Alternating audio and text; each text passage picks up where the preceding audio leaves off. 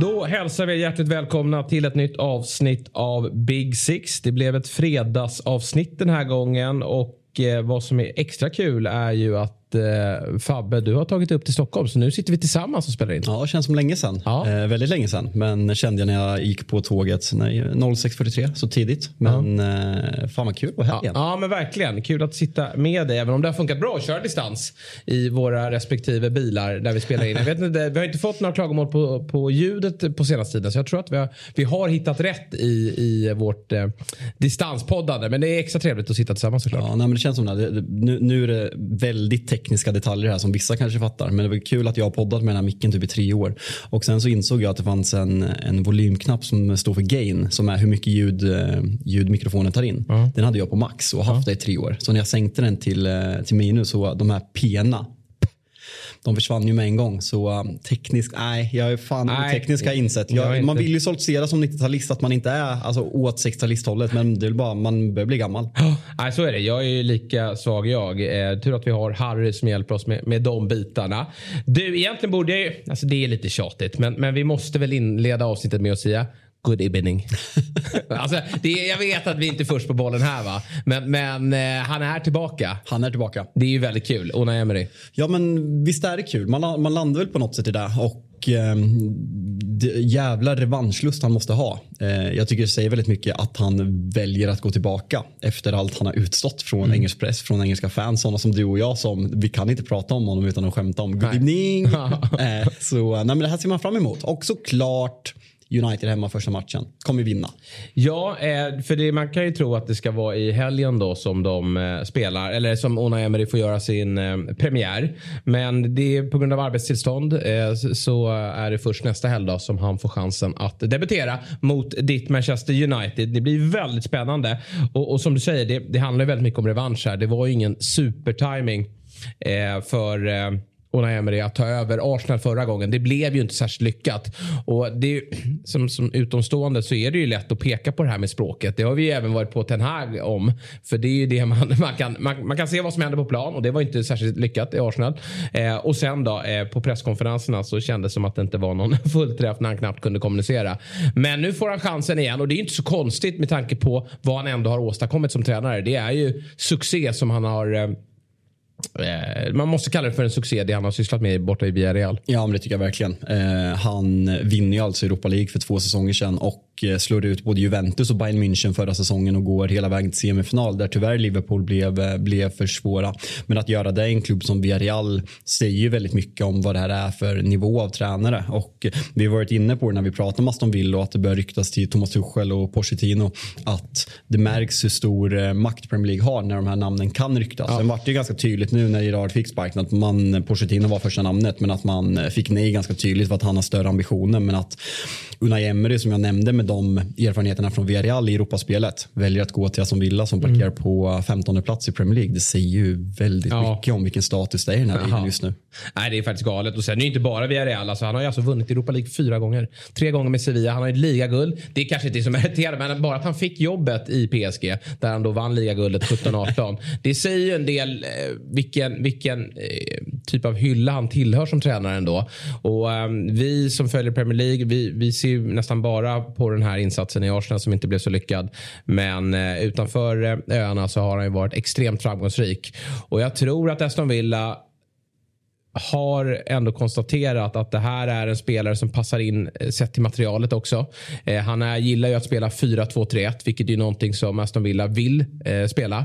Och vi har ju pratat mycket om kvaliteten i truppen som är ju eh, ett lag som bör tillhöra eh, den övre halvan. ja, men slåss om att bli best of the rest. Alltså Newcastle har ju kanske stuckit iväg där nu.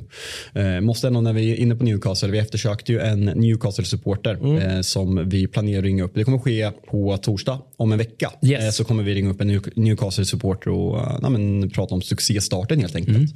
Men gällande eh, Emery så jag lyssnade faktiskt på en podcast där eh, en, en Spanien-expert analyserade honom som, som tränare och han sa ju att han är helt besatt av de här detaljerna. Man vet ju så här, man, man hör rapporter om ja, men Pep som ja, men hur man ska passa, hur man ska röra sig och stå och dirigerar från sidlinjen och visar, visar eh, även videoanalyser. Unai Emery är på en sån nivå så han står och skriker hur du ska komma in med tyngdpunkten i överkroppen när du går in i pressspel. Så det är en extremt detaljstyrd manager som även anpassar sitt spel väldigt mycket efter motståndarna. Något vi har sett när Villarreal har mött de, de bättre lagen i både Europa League och i, i Champions League. Hur fenomenalt taktisk man har varit. Så det känns ju som att det är en manager som passar att kanske inte vara de här största topp 6-klubbarna som ska vara strax där under och utmana och slå underifrån. Så det känns ju som en, som en verkligen en perfect match på, på, på förhand.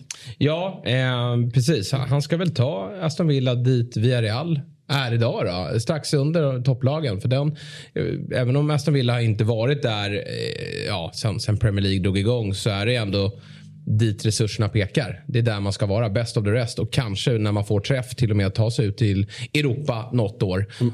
Det säger, det säger ändå ganska mycket tycker jag. Man betalar alltså 6, eh, eller 7 miljoner euro i en utköpsklausul som eh, Emery hade. Och Eh, han sägs ha blivit lovad att Aston Villa ska fortsätta satsa på transfermarknaden. Mm. För man har ju satsat Grealish-pengarna eh, gånger två de senaste åren i övergångar. Så att han har blivit lovad en fortsatt satsning säger ju någonting hur, hur villiga man är att ta de här kliven att eh, kunna kvalificera sig för, för Europa och eh, slåss mot. Ja, men kollar man på pappret så är det väl ändå West Ham och Newcastle man ska slåss med om man blir liksom best of the rest. Och mm. eh, utsikterna för det känns ju fantastiska nu. Ja, och just Newcastle är ju de man möter i helgen då. Men eh, Unai Emery får då vänta en vecka. Det blir superdanks då. Eh, interimtränaren här som fick ju en drömstart med 4-0 sista. Älskar fan Aaron Danks. Ja, alltså. verkligen. Han eh, vet jag faktiskt ingenting om om han blir kvar, men det, det antar jag att han ja, får fortsätta. Måste, han, ja, bara efter den matchen. Han, han måste bli assisterande. Ja, alltså, Una, Una Emery kanske har jobbat med en gubbe så här i tio år, men efter att ha sett Aaron Danks match mot Brentford, ja. bara, det här är min gubbe, Aaron Danks. Riktigt fin. Eller om någon, någon Championship-klubb eh, snappar upp honom nu efter eh, succéstarten. Kan vi ha varit den podden som har sagt Aaron Danks namn mest gånger senaste två avsnitten. Ja, men jag tror det. Det är vi som har snöat eh, oss in på honom. Testa Aaron Danks. Ja, men det är, ja, det är Älskar honom. Det, ja, ligger rätt på, på tungan. Eh, sen vi eh, pratades vid senast då, så har det ju spelats eh, eh, fotboll i Europa och det börjar ju dra ihop sig. Man brukar prata om att eh, gruppspelet i framförallt då Champions League och till viss del även Europa League eh, är ju ganska ointressant under hösten. Man vet hur, hur det ska sluta. Men på förhand då, när vi fick lottningen så kunde man ju ändå ana att grupp D där eh, Tottenham huserar den skulle kunna bli jämn och tight. Och efter Spurs 1-1 då hemma mot Sporting så konstaterar vi att det blir en rysare här i sista omgången. Ja, men det kan man lugnt säga. Eh, det där målet kan bli, eller snarare bortdömda målet kan bli väldigt kostsamt för, för Tottenham. I think that we are not so lucky with uh, the VR. I think that uh, they, they create a bigger damage. And uh, I repeat, yeah, this, uh, this decision uh, uh, yeah, create, create a big damage.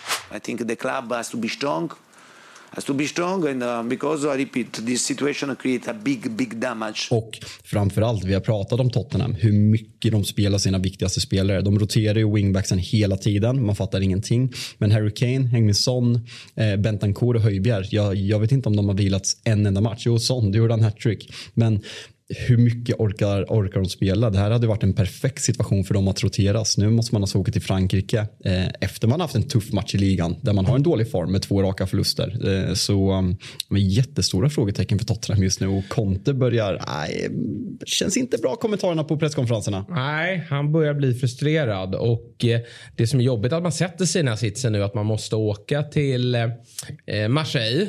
Ett kryss räcker ju för Tottenham i den här eh,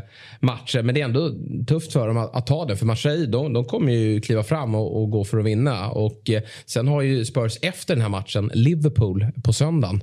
Vilket är också en otroligt viktig match för dem i, i ligan för att försöka befästa den här topp 4-positionen.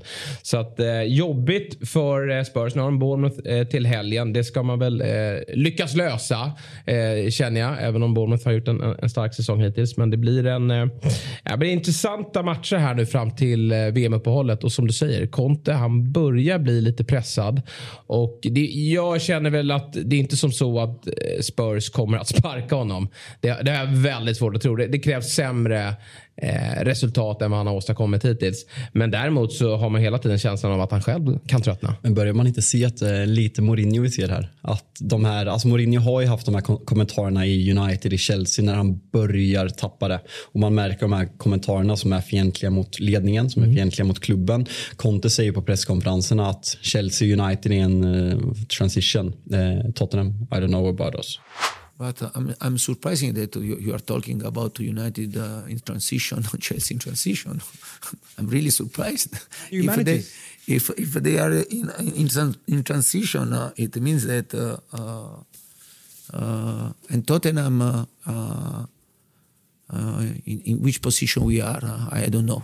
Det är ingen bra känsla. Det är inte vad man vill höra som supporter. Man har, ja, men han har fått väldigt många spelare som man har bett om. De har satsat väldigt mycket pengar. Man har en ny arena. Eh, man har lyckats behålla Harry Kane. Kommer troligtvis göra det framöver också. Så att, och man har en världs, världsträning framför allt. Men det där tror jag inte alls känns bra för Tottenham-fansen. Nej, nu har han visserligen haft otur med skador då, i form av just eh, Kulusevski Eh, som, som på nytt då när han saknas visar hur viktig han har varit för klubben. Eh, Richarlison är skadad. Han hade ju verkligen behövt, även om det kanske inte har funkat klockrent med eh, Keyneson och, och eh, Richarlison där uppe, så hade han ju behövts för att avlasta lite. Att ge Son och kanske Kane också lite välbehövlig vila. Eh, men, men han har ju fått truppen som, som en trupp som ska absolut prestera bättre. Sen hade vi väl inte Spurs som någon form av titelutmanare. Men det är klart att den, den fotboll som har eh, eh de har visat upp här under hösten, den är inte tillräckligt bra sett till, till, till det materialet han har att eh, befoga över. Nej, och sen alltså så här, kollar man, de ligger tre i tabellen, de har fortfarande en ganska bra poängskörd trots eh, tre förluster senaste fem. Men jag, vi var inne på det när Alice gästade, jag tror att det beror mycket på att de andra lagen ser bra ut. Alltså, ja. Manchester United börjar bli en medgång i supporterleden, Chelsea eh, obesegrad under Graham Potter. Liverpool. Ja. ja. Nej, Liverpool, där, ser det ju sämre ut. Liverpool kanske inte är så jävla roligt, men vi, vi räknar bort dem i det här. Men eh, City och Arsenal är, ja. Eh, ja. spelar jättebra, så jag tror att det är det som gör att det verkligen känns ännu Ännu värre för Tottenham och att vi sitter och är så kritiska mot Tottenham i det här. Och vi återkommer till Dejan Kulusevski, alltså när, när till och med brittisk press börjar prata om hur mycket han saknas. För de kan inte spela. Och den här 3-5-2 när de spelar med Bentancourt, Bissoma och Höjbjerg, den, de får inte ihop det. Nej, och nu var ju sorgebarnet Lucas Mora tillbaka i, i elvan. Det, och det funkade inte under tidigare tränare och det kommer inte funka under Conte heller. Och han är ju verkligen, det är ju för att alltså, Conte vill ju spela eh, 3-4-3. Mm. Han ser också problematiken i att spela Bissoma, Bentancourt och, och Höjbjerg. För det, det, är inte tillräckligt kreativt och, och framförallt då när Kane droppar så, så får man inte eh, fram tillräckligt många spelare i offensiv tredjedel. Så att han vill ju ha ytterligare ett offensivt alternativ. Men, men Lucas Mora får man ju faktiskt ge upp. Är det dags att sätta in Ringo Starr, a.k.a. David Schill. Ja, är det Schill? Brian, Brian Schill, inte David. Nej, precis. Brian Schill. David, eh, David Gill är eh, gamla Uniteds vd, så han, precis. han ska nog inte Han ska vi inte inkludera i det här. Nej. Men han har ju fått väldigt få chanser. Nu hoppade han in här senast.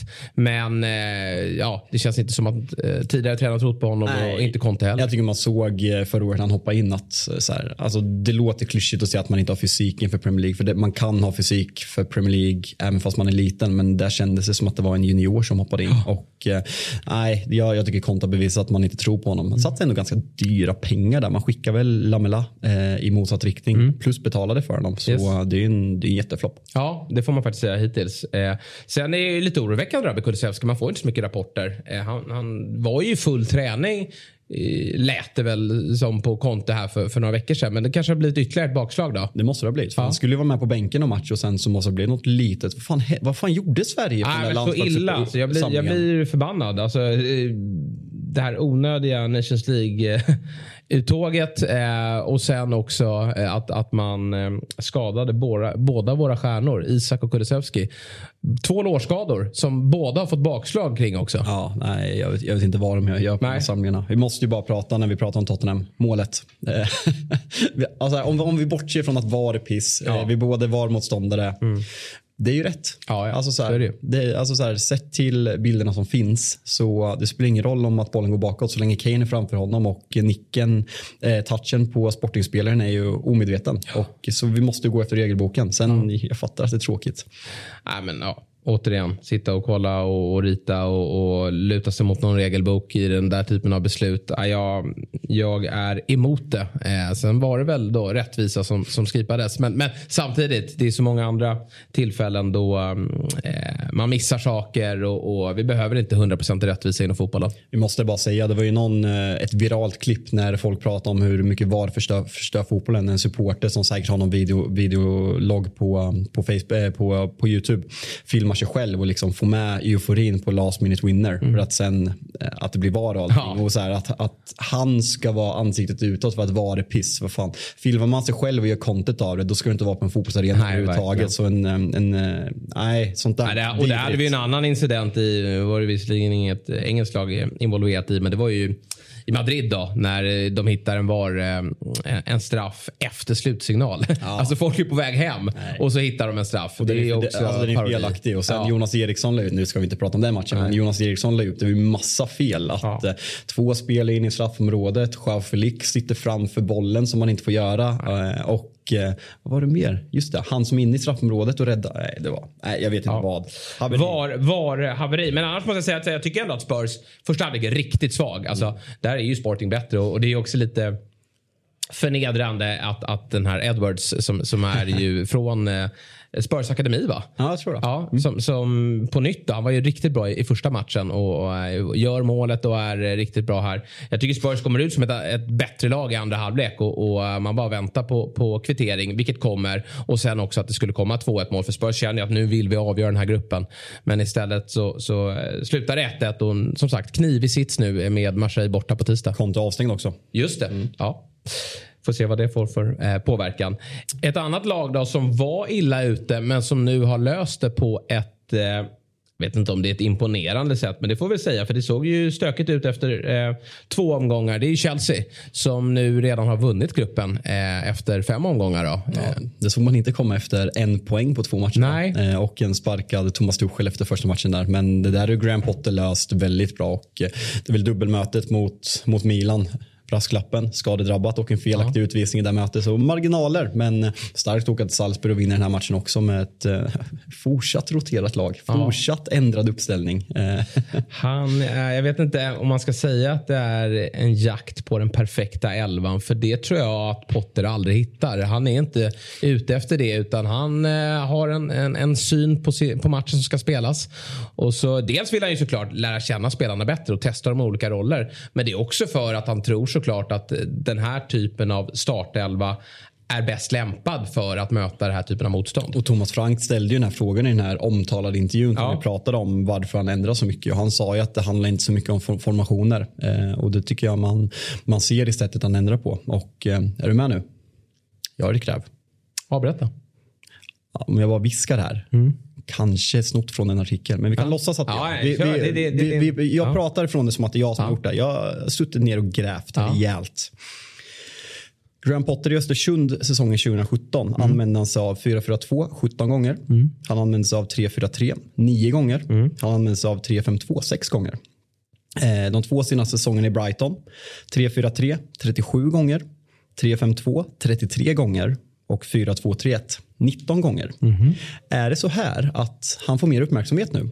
för att han spelar i Chelsea. Det är inget som har förändrats. Det här mm. är Graham Potter. Det är, ah, bara, ja. det är, bara, att han har spelat i, i klubbar som, ursäkta om vi har någon Östersunds eh, supporter mm. här. Nej, de ursäktar vi inte till. Nej. Men eh, till Brighton supporter kan vi ursäkta. Att han har tränat klubbar som folk skiter i. Mm. Eh, det är nu han får uppmärksamhet. Det här är inget, det är något han har gjort i hela sitt liv. Ja, nej men så, alltså verkligen så. Det, det, um, jag tror du skulle komma med ett, med ett mer... Eh, Eh, ett, ett, ett gräv som stack ut mer. Det här är inget nytt för oss som har följt allsvenskan, Fabbe. Det här är eh, Graham Potter. Ja. Och, och, jag förstår inte varför engelsmännen blir så förvånade över att han byter formation. För det är ju verkligen efter att, att anpassa sig efter motståndet. Och eh, jag vet inte vilken elva han, han kommer främst att spela här i form av 3-5-2 eh, eller 3-4-3. Men oftast använder han sig av en treback eh, än en, en fyrback. Men även den möjligheten finns att, att spela en fyrback. Och eh, det jag ändå kände med med det här Chelsea det är ju att jag vill ju se eh, Kovacic oftare i startelvan. Mm. Eh, han, han, jag tycker att när han kommer in i matchen mot United så stabiliseras mittfältet. Och eh, i den här matchen, ja, inte bara för att han hamnar i målprotokollet så är han ju väldigt viktig för, för eh, Chelsea i uppspelsfasen. Och att han är kanske nu när Kanté är borta den viktigaste centrala mittfältaren. Ja, men fortsatt en extremt underskattad spelare och jag vill bara säga nu, nu när grävet varit nedslaget av dig ja. som att det var ett dåligt gräv. Då hänvisar jag såklart till The Athletics artikel skriven av Mark Men där är det ju ett gräv. I, I, England så är det ett gräv. För där är det, tror jag att man, man inte riktigt eh, eh, har följt Brighton särskilt noga. Eller de, de initierade har såklart gjort det. Men, men för, för de som bara följer Big Six-klubbarna så kanske man är lite förvånad över att Potter förändrar så mycket från match till match. Men det var ju verkligen det man pratade om när han var i allsvenskan. Hur han då kunde eh, liksom dels byta formation men också ta in spelare man aldrig hade sett tidigare. Alltså Östersund hade ju en enormt stor trupp och helt plötsligt dök det upp spelare från, från eh, U-leden som man inte hade koll på. Nu har han ju en, en, en bred trupp där man känner till varje spelare och det kommer verkligen Potter att, att nyttja. Det, är det, som, det är det som jag tror gör att man reagerar när han har en större klubb som Chelsea. Att han helt plötsligt, ja men då är Sterling wingback. Pulisic mm. spelar wingback nu mot Salzburg. Tidigare har det varit Trossard och det har varit Gross och det har varit Lamptey. Sådana spelartyper som kanske ändrar lite position. Då är det så här, man bryr sig inte li riktigt lika mycket. Sterling har man en relation till och han har väl varit ja, men winger eller second striker i Manchester City och i Liverpool väldigt framgångsrik. Så när han helt plötsligt blir wingback när han är 27-28 år, mm. eh, det är då man reagerar. Eh, så det tror jag är den stora skillnaden. Och det här gör ju såklart att, ja, jag vet inte vilket ben jag, jag ska ställa mig på här, vad jag, vad jag tycker om den kraftiga rotationen. Jag tror att några spelare känner sig inte helt nöjda med det. Jag tror att spelare som Aubameyang skulle behöva ganska mycket kontinuitet och, och liksom få komma in i sin nya klubb och få känna att han, han eh, dels får spela men också kan producera i, i, i varje match. Raheem Sterling trivs nog också att även om han är van med rotation från Peps tid så tror jag att han känner att han, han vill spela många matcher och kanske även bekanta sig med en viss typ av eh, position.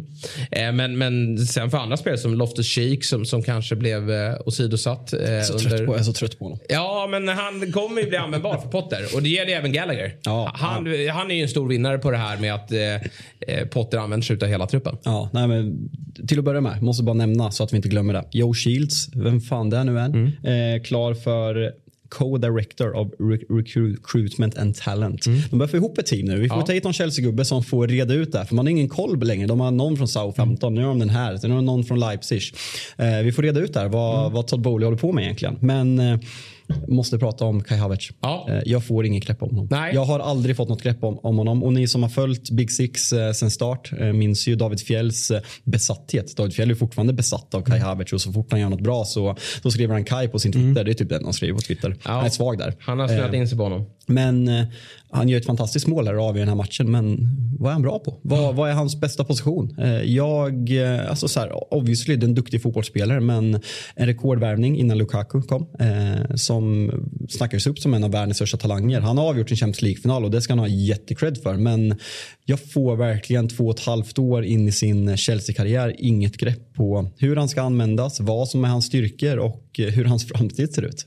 Nej, och här är vi också en spelare som jag tror skulle må bra av lite kontinuitet och känna förtroende från en tränare och, och spela jag förstår att man inte kan spela tre matcher i veckan. Någon match måste man eh, då och då stå över även om eh, bevisligen då Harry Kane orkar det. Men, men Kai Havertz skulle nog behöva känna att han är eh, Potters första gubbe i den där offensiven. Sen är det ju svårt att veta i vilken roll. Jag, jag tycker inte heller, han är ingen liksom, eh, supernia. Alltså, han är inte tillräckligt bra målskytt för Han sträcker inte tillräckligt mycket på laget för att göra det. Utan han, han gillar ju att komma ner och hämta boll. Samtidigt, han känns inte heller som någon offensiv mittfältare. Mer någon... en second striker. Ja. Och du kan inte ha en second striker när du har Mason Mount i den där moderna tia-rollen. För, för, Mason Mount, om vi pratar om kanske Bruno Fernandes som den aktiva spelaren nu, som den dåtida tian som mer lik en Özil, Wesley Sneijder, Gutti. Eh, för, att, för att mm. nämna sådana spelare så är Mason Mount en väldigt modern spelare där och det är ju på något sätt där Kai Havertz skulle behöva husera. Så jag, nej, jag vet inte hur man ska gå vidare med honom för man måste göra någonting för det är ett slöseri på talang och ett jävla marknadsvärde att, ja. att inte få något grepp om honom. När han är, startar varannan match, kommer in varannan match, bänkar i tre matcher. Det är upp och ner hela tiden. Ja, han har ju ett långt kontrakt. Jag kan tänka mig att eh, Potter och Chelsea ger honom det här året för att bevisa sig. Men annars tror jag att det finns, alltså han har ju ett enormt marknadsvärde såklart i Tyskland. Det här är en sån här eh, spelare som eh, Bayern München kommer att plocka upp om det är som så att det inte lossnar. För det, det finns ju definitivt potential i honom. Men, men jag tror man måste ha en, en eh, bestämd roll för honom och han behöver mer speltid än vad han har eh, fått i Chelsea. Det är lite väl mycket in och ut i elvan. Men grejar han inte det så kanske han inte ska vara under Potter. Nej, det känns inte som rätt tränare att vara under. Eh. Men skönt för Chelsea som tar sina trepoängare i, i både ligan och i Europaspelet.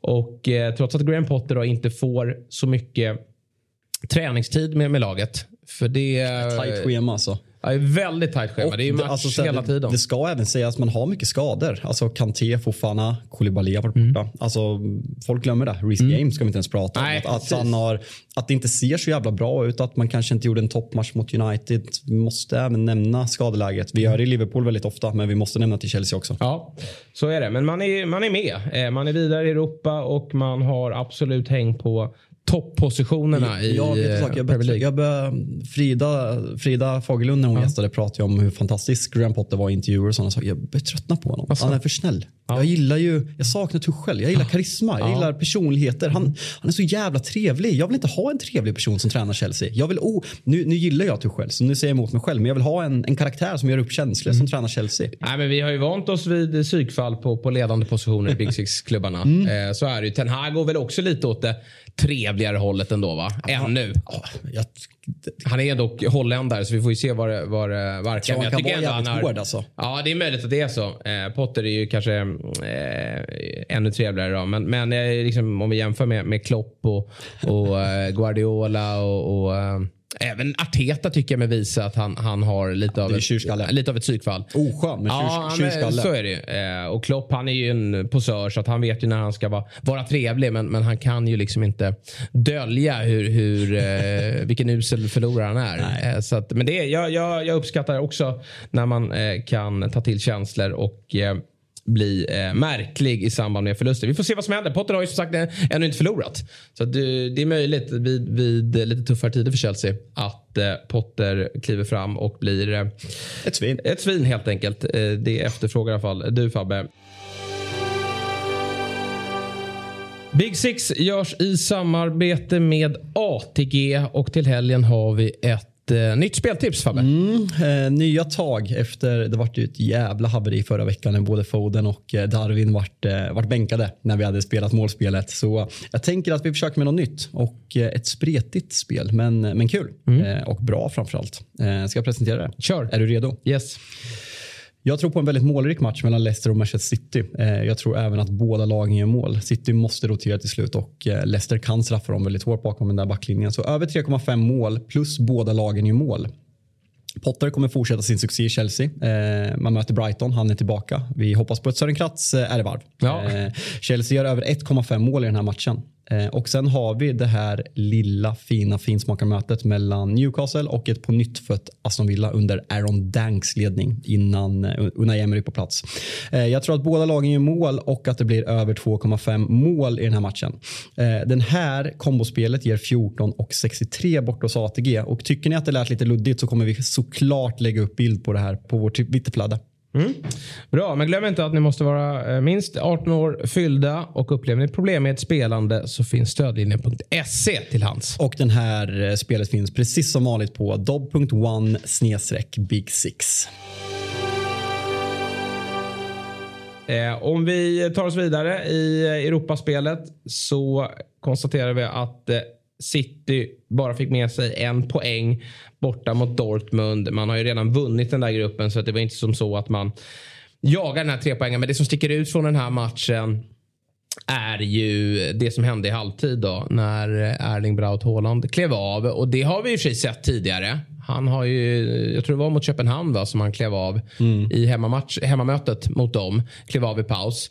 Men Sen eh, kom det ju rapporter i efterhand om att han har fått en ankelskada. Och det är ju det hela England sitter och väntar på här nu under fredagen då, när Pep Guardiola ska kliva in och hålla presskonferens senare här under dagen. Eh, vilken eh, typ av skada det är och hur länge han kan vara borta. Mm, det kopplas ut lite videos på det när han haltar ganska rejält. Ja. Eh, alltså så här, svårt att sitta och analysera. Eh, men eh, hade det varit allvarligt hade han ju haft en, en stövel. De är väldigt, eh, väldigt ja. noggranna med de där stövlarna. Så skulle, dock, man spelar 12.30 lokaltid mot Leicester mm. eh, imorgon lördag. Eh, så man borde vinna den här matchen eh, oavsett om Haaland startar eller inte. Men eh, ja, känslan är att han startar. Ja, alltså, och jag tror så här, den där bilden, de där bilderna som kablades ut det är klart att när han, jag vet inte vilken tid på dygnet det var, men om det var dagen efter match och man har fått en smäll, då gör det ju ont. Ja. Sen när du får lite värme på det där och som sagt, det var ingen pjäxa.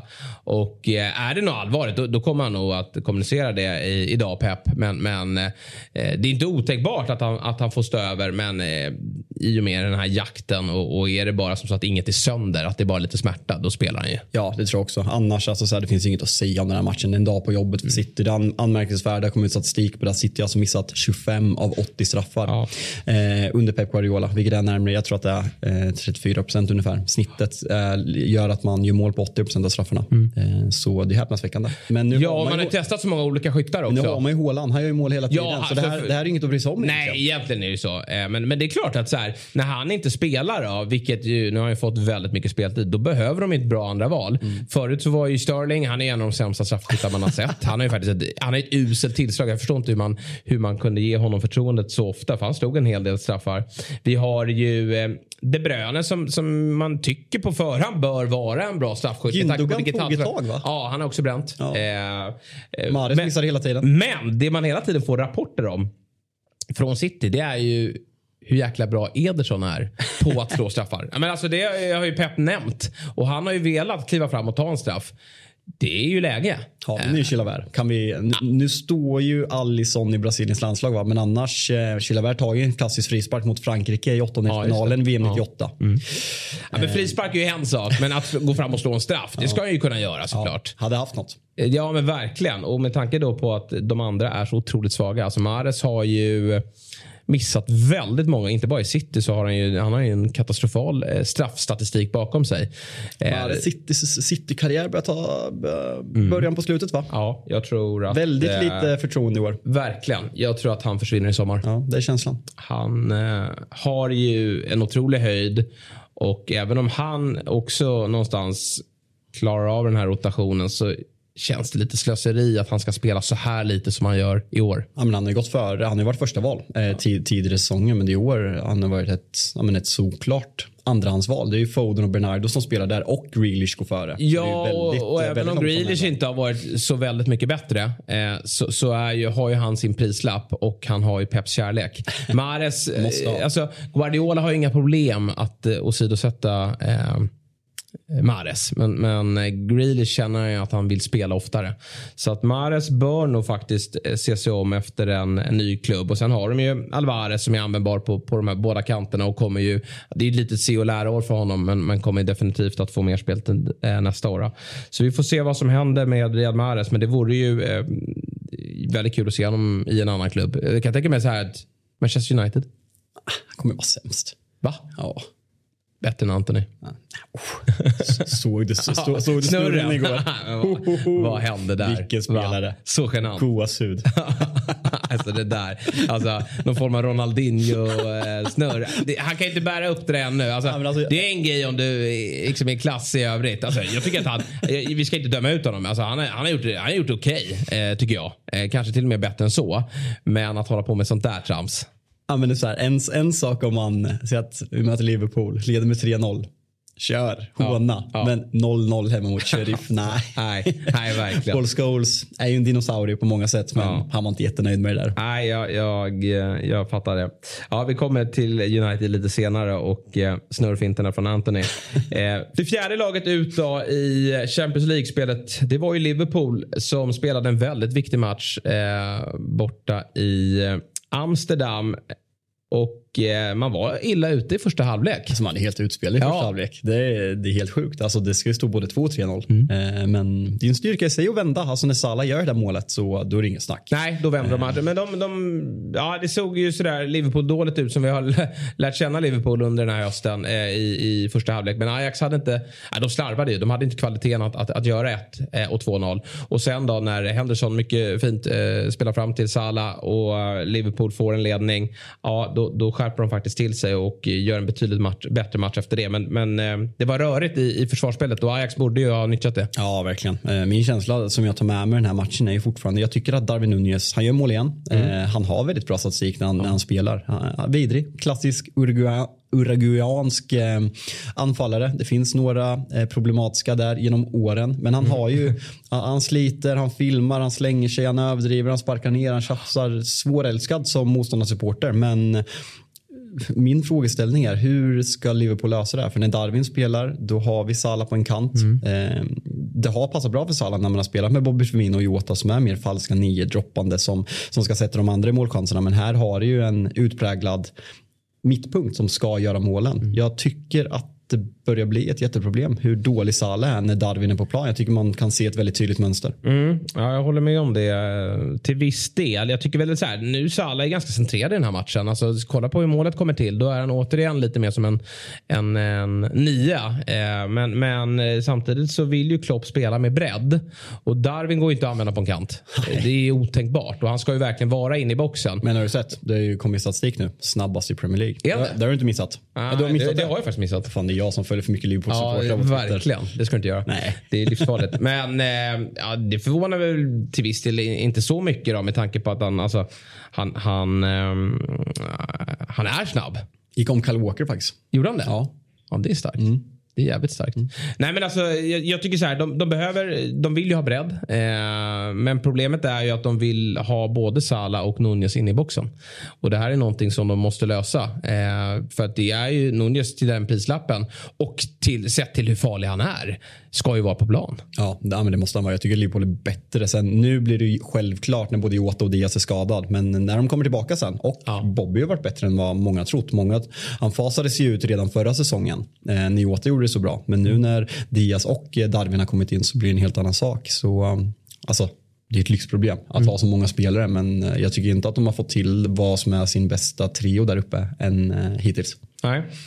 Ja, men skönt för, för Liverpool att uh, lösa avancemang. Nu, nu ja, men det är starkt ju... också efter pulveriseringen i, ja, i Neapel får man ändå säga. Att, att, lösa det här för det var, ja, men det var ett, en prekär situation där e- efter, eh, efter den starten. Så det, det är klart att det är starkt att ha, vad blir det, ett, uh, fyra raka vinster. Det är jättestarkt. Mm. Och... Uh nu får vi se då, om vi får fyra lag vidare. Jag tror väl ändå att Spurs kommer lösa det där. Som sagt, ett kryss räcker. Men eh, vi, England får ju förmodligen då fyra lag till eh, åttondelsfinalen. Spanien ett. Spanien ett. Mm. måste vi säga. Det måste nämnas. Ja. Eh, jag är en faktiskt... systerpodd här på Ja, Tiro Libre. Precis. Vi ska lyssna till vad de ja. säger kring det. Men eh, kul för, för eh, Eh, Eh, Premier League och jag, eh, eh, jag, jag uppskattar verkligen om vi får med alla lagen vidare till åttondelsfinalen. Och då möter de inte varandra, eh, vilket är också mm, en, en fördel. Så det bör ju finnas goda möjligheter till, till eh, avancemang ytterligare. Ja, men alla har väl, nej Liverpool kommer tvåa. Annars är det ganska, och så här, det känns som att slutspelet kommer vara sämre lag än tidigare. Det är ju bara att kolla, alltså United, vi kommer komma in på Uniteds otroliga seger mot Sheriff. Mm. Eh, men om inte United slår eh, Real Sociedad borta i sista matchen så kommer man ju tvåa och får spela 16 i final. Och då kommer ju alltså Barcelona, Juventus, Atletico mm. Madrid. Aj, oh, alltså det är inga dåliga lag. Nej. Så det det är flera sämre lag på pappret som går vidare till slutspel i Champions League. Mm. Nej, men Champions League, jag vet, Europa League-slutspelet blir ju ganska häftigt nu med eh, förmodligen då Juventus dit eh, och eh, dessutom eh, Barca, eh, Barcelona och Atletico de Madrid. Så att det, det blir, kan ju bli häftiga matcher för er. Och framförallt då, om ni känner, eller United känner att de börjar halka efter i ligan. Då kommer det bli ett jäkla stort fokus på Europa League. Ja, men jag tycker man har sett Erik Ten Hags eh, startelver egentligen hela tiden. Att han har satsat väldigt hårt på att vinna den här gruppen för att slippa. Dels, alltså nu har det blivit en ny situation där vi kan få de här superklubbarna i en 16-final. Men även för att slippa de här två matcherna är det redan otroligt tajta schemat. Mm. Dessutom ska klämma in två död drottningmatcher kan man säga så? Ja, det kan man. Det kan man säga. Ja. Det, alla förstår nog vad du menar. Men de ska väl in här nu i januari va? Ja, jag tror det. Eh, så det, det blir tajt som fan. Ja, och eh. ligacup och FA-cup och det. Ja, det, det kommer bli ett eh, ruskigt tajt schema. Ett lag som kanske inte prioriterar Europa fullt lika mycket då, det är ju Arsenal. De är ju redan vidare i sin grupp, men förlust borta mot PSV. Ställde ändå upp med ett förvånansvärt bra lag. Ja, men han har ju sagt det Arteta att han vill ju Han vill ju härda spelarna. Han vill ju att de ska lära sig att spela tre matcher i veckan. Nu var ju Saka på bänken. Han fick väl någon smäll här senast. Eh, men, men eh, han tar man det lite försiktigt med. Eh, Gabi Jesus var inte med. Partey var inte med. Men absolut, Ödegaard var där. Martinelli var där. Och delar av backlinjen. Så att, och, och så jäkla bred trupp kanske han inte har heller. Nej, och jag tycker man ser den här matchen så här ja, PSV har två mål bortdömda plus ja. vinner med 2-0. Sen kollar man på XG-siffror så är Arsenal överlägsna. Så det är så här problematiskt. Ska man säga att Arsenal är bättre eller var det rättvist? Jag, jag vet inte. Jag såg, jag såg delar av den här matchen. Men eh, jag tycker man ser samma sak med, med poängtappen nu senast mot Southampton, även matchen mot Leeds. Man, ser, man börjar se vilken kvalitetsskillnad det är på de här spelarna. Vi, vi har pratat om vilken bra elva Arsenal har. Men när det börjar komma in en, två, tre spelare mm. som inte är ordinarie, då tycker jag man ser en markant skillnad. Det är en enorm skillnad på Lokonga och, och Partey på det centrala mittfältet. Och, och Viera kommer ju bli, bli fin. Han har ju redan visat upp sig faktiskt i Premier League.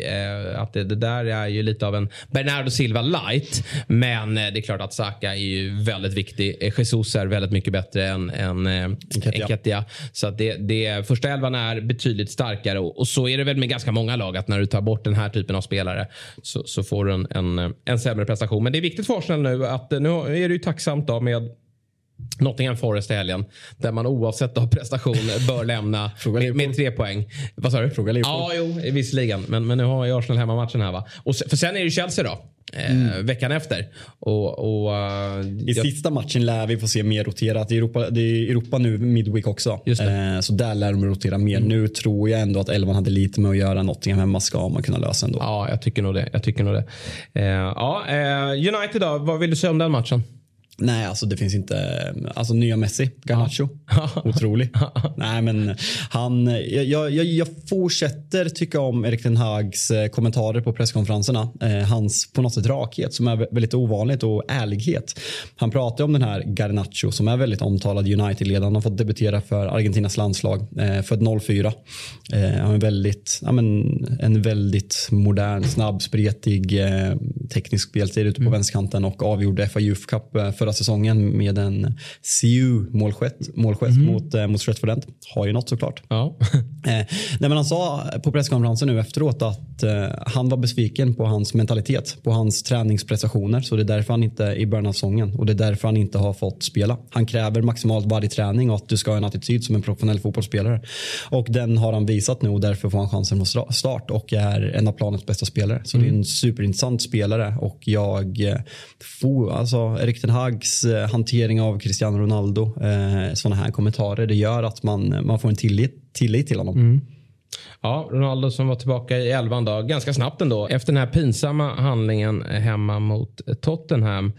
Annars är ju snackisen kring United här nu, vem som kommer bli mittback bredvid Martinez nu fram till VM. Eh, Varann eh, är ju skadad, men ser ut att kunna spela VM i alla fall, va? Mm. Ljumskadad. Ja, men det var lår, baksida, framsida, ah, okay. ljumske, mm. något mm. i den stilen. Och så när man såg tårarna på Stamford Bridge var ju känslan, fan det här kan vara allvarligt. Ja. Men verkar komma tillbaka, det är en kamp mot klockan, men att han ska väl, eller han lär väl skada sig där också. Ja, så han lär vara skadad när han kommer tillbaka. Men det är ändå positiva besked med varandra. Mm. Eh, Maguire var tillbaka igår, spelade andra halvlek. Mm. Eh, men känslan är att Vigge är detta. Att, ja. Vigge, att Vigge kommer ta den där platsen. Jag tycker Ten Hag har visat att han inte har något förtroende i, i, ehm, i Maguire. Han Nej. har precis kommit tillbaka från skada, bara gjort två träningar och nu 45 minuter så att man skulle slänga in honom mot West Ham direkt och sen är det bara två matcher kvar i ligan innan, eh, innan VM. Så uh, jag är ganska säker på att Vigge tar den där. Och jag tycker Vigge har gjort det bra när han har fått chansen. Han har spelat med, han spelar med olika mittbackar hela tiden och nu har han ju världens bästa bredvid sig. Ja, precis. Du tycker ju det. ja, otroligt. Ja. Älskar honom. Ja, men, har och jag, jag, det har du sagt några gånger, men jag bara känner att så här, hur ska de stå pall? Eh, i, alltså Martinez har gjort det bra, men han har ju haft Varann mm. som är väldigt bra när han får bollar bakom sig. Snabb. Snabb som fan. Eh, och, och bra i, i um, han är ju stark på skallen. Där är ju Vigge rätt svag. Mm, svag fysisk. Ja. Eh, så det blir intressant. Ska Macka eh, på söndag. precis. Eh, det, det är klart att det är lite oroväckande. Mm. Och sen möter man ett Aston Villa på hemmaplan som kommer vara väldigt intensiva med löpningarna bakom. Jag tycker det är häftigt att se under Ten Hag. Jag, jag typ aldrig, nu kanske jag överdriver, jag kollar såklart på United mest av alla lag. Men nu möter vi ett pissigt gäng från Rumänien är det väl, igår. Men Viggo Martinez står liksom alltså på offensiv halva halva eh, igår som, som spelar längst ner. Det är helt sanslöst hur offensiva Ten Hag vill ha sina mittbackar i försvarsspelet och hur mycket han centrerar sina ytterbackar i vissa lägen i, i försvarsspelet precis i, i återerövring. Så det blir kul att se hur, man- hur, man, hur man sköter det här när man inte har varann på planen när man möter mer kvalificerade motstånd. Mm. Moldavien kommer Sheriff ifrån men eh, ja, du får briljera med annat Fabbe än eh, geografikunskaperna. Du, eh, vi tar oss Fla- till... Flaggorna ser likadana ut. Vad sa du? Flaggorna ser det likadana ut. Kan du, det har du visserligen rätt i. Eh, vi tar oss till helgens omgång då. Det är en jäkla lördag eh, för alla oss som älskar Premier League. Det drar igång 13.30 då med Leicester City. Leicester som är lite på eh, uppgång här. Det blir kul att se hur de tar sig an den här matchen. För Leicester har ju så här på King Power Stadium, där är de väldigt självsäkra. Det, är liksom, det hänger kvar från, från, från säsongen 14-15 när de vann titeln. Att de, liksom, de tror väldigt mycket på det på hemmaplan. Och nu har man ju lite resultat med sig. Det är väl två raka segrar. Eh, även om det så här mot Wolves, tittar man på siffrorna från den matchen var det helt bisarrt att man vann med 4-0. Eh, men nu kommer City på besök då. Vilken typ av sit, eh, Leicester får vi se tror du? Är det ett Leicester som står högt eh, och blir dunderstraffade? Eller står de lågt och blir dunderstraffade? Alltså, de kommer ju bli dunderstraffade. Ja, för det det är, alltså, så. de släpper till så jävla mycket chanser och Ja. de får inte till det. Och de, att Ward har börjat hålla nollor, det är, ju- det är bara tur. Ja, eh, om, vi, om vi ska vara helt ärliga. Alltså, kollar man statistiken så släpper de till i stort sett lika mycket chanser som de har gjort hela säsongen. Man har alltså släppt in 24 mål på 11 matcher och då har man väl 3-0 de senaste fem matcherna, eh, tror jag. Eh, så det säger någonting. Eh, nej, det här kommer bli en mumsbit för City. Det är väl bortamatch i Tyskland tisdag, tidig match i, i Leicester, lördag som talar för Leicester. Men eh, känns som att Leicester är ett lag som passar City väldigt bra. Ja, jag tycker det. Även om man har haft några, alltså man, man bara kan minnas tillbaka utan att ha stenkoll på siffrorna kan man minnas tillbaka att Jamie Vardy har varit i, i vann de inte någon säsong med 5-2 på Etihad? Det är väl guldsäsongen. Ja. Mares gör ju mål Ja, men de vann även någon, någon eh, match här för de typ har, ett, två år sedan. Nu när du säger det, ja. har fan Leicester bra statistik mot City. Ja, de har det. Ja. Men, men det är ändå eh, så känns som att det blir målrika historier eh, de här lagen emellan. Och det är inte det, liksom, det är ju en sämre upplaga av Leicester i år måste vi ju definitivt säga även om de är lite på, eh, på uppgång. Där. Men, men det är en kul match att inleda eh, lördagen med. Och sen ska det sägas också att eh, Pep gick ut och sa att Foden är sliten. Eh, trots att han eh, fick eh, eh, lite märkligt då att han, varför spe, startar han den här matchen då om han är sliten? Man, man, man hänger inte riktigt med i, i Peps eh, sätt att eh, mönstra sin elva. Dessutom då Cancelo, han spelade med feber och klev av i paus. Också konstigt. Eh, men han har ju visserligen brist på ytterbackar men herregud man är ju vidare i, i Champions League. Varför ska man då eh, riskera att spela med spelare som är sjuka? Jag tror även att eh, Haaland var, var, hade sjukdomssymptom. Symptom. så att det är jättekonstigt eh, att, att Pep ändå väljer att spela dem i en, i en oviktig Champions League-match. Sy- Synd om City. De är, Ja, så, verkligen. de, är så det. de är så smal trupp. Ja. Eh, de är inte Men råd man har ju det. de här unga killarna. Det är väl bara att slänga in Palmer och, och, allt vad de heter. Eh, vidare under lördagen. Newcastle-Aston Villa eh, är ju eh, lite kittlande om Newcastle kan eh, fortsätta. men det är en fin att smakmatch. gå starkt. Vad sa du? Det är en fin smakarmatch. Ja, men verkligen. Mm. verkligen. Och eh, Aston Villa då, som fick 4-0 här senast har en ny tränare klar även om han inte är på plats. Och sen då, riktigt fint med en 2045 match då. Liverpool-Leeds. Ja, ja, ja verkligen. Eh, Två lag eh, med Premier League-problem. kan man lugnt säga. Eller hur? Vad räknar vi? Leeds åtta eh, raka utan förlust. Mm. Eh, frågan är Jesse March. Eh, det är ett tufft schema de går in med nu. Hur eh, får han sparken? Blir det en 9-0 så räcker Han- det ja, det men, gör han ju. Men liksom, Han får ju sparken i, i, under VM-uppehållet annars tror jag. Ja, det är känslan för Leeds. Eh, Vi var inne lite på det i måndagens avsnitt. Det ser fan inte kul ut. Men, men som du säger, 2045, det är väl det, är väl det man har saknat un- under pandemin egentligen. Ja, Eh, De här faktiskt. matcherna är mäktiga. Ja. Och eh, förra veckan hade vi United, eh, Chelsea United 18.30. Nu är den här 2045. Så Mm. Ja, men bra publikmatch också. Det bör nog kunna bli lite stämning. Ja, det är väl så att kvällsmatcherna alltid... eh, Hör du är nu? Hyllar stämning på Ja, Anfield. ja, men exakt. Du har ju fått ta del av den. Nej, men det är, kvällsmatcherna har väl bättre tryck eh, än, än framförallt det, det, lunchmatchen. det är ju för att folk är packade. Ja, Förmodligen. eh, förmodligen. De hinner liksom inte gå till puben innan eh, 12.30 matchen då, eh, som, som spelas i lokaltid i England. Lördagen har ju då Arsenal mot Nottingham Forest. Det, det bör ju vara en, en, en, enkel seger. Och sen då United mot West Ham. Och jag tycker att eh, det är en match United ska ta tre ganska lätta poäng i. Oh, oh. Bowen skadad. Ja, hoppas det. Får man säga mm. så? Ja, men det får du säga.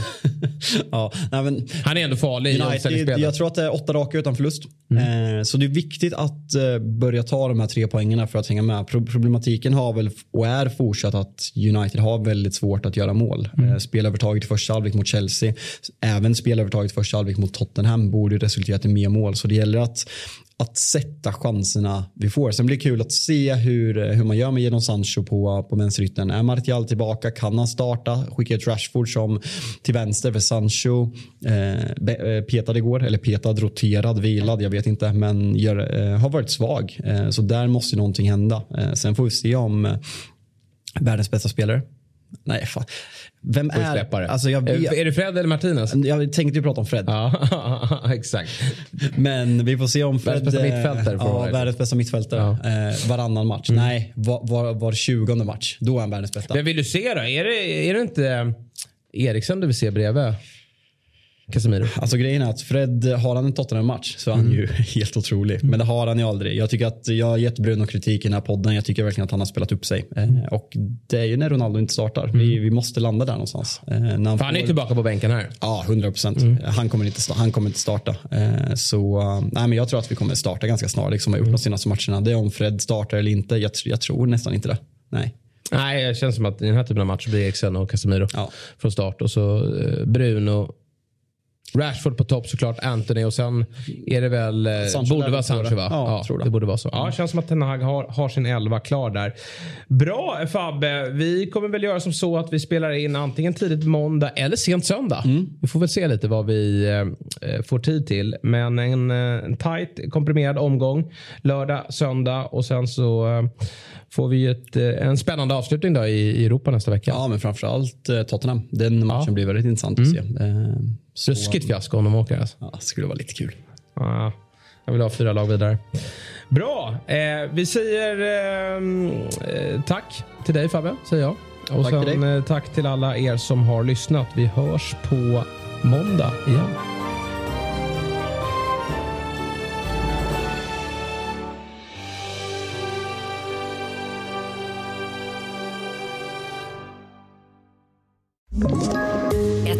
Poddtips från Podplay. I fallen jag aldrig glömmer djupdyker Hasse Aro i arbetet bakom några av Sveriges mest uppseendeväckande brottsutredningar. Går vi in med hemlig telefonavlyssning och, och då upplever vi att vi får en total förändring av hans beteende. Vad är det som händer nu? Vem är det som läcker? Och så säger han att jag är kriminell, jag har varit kriminell i hela mitt liv men att mörda ett barn, där går min gräns. Nya säsongen av Fallen jag aldrig glömmer på Podplay.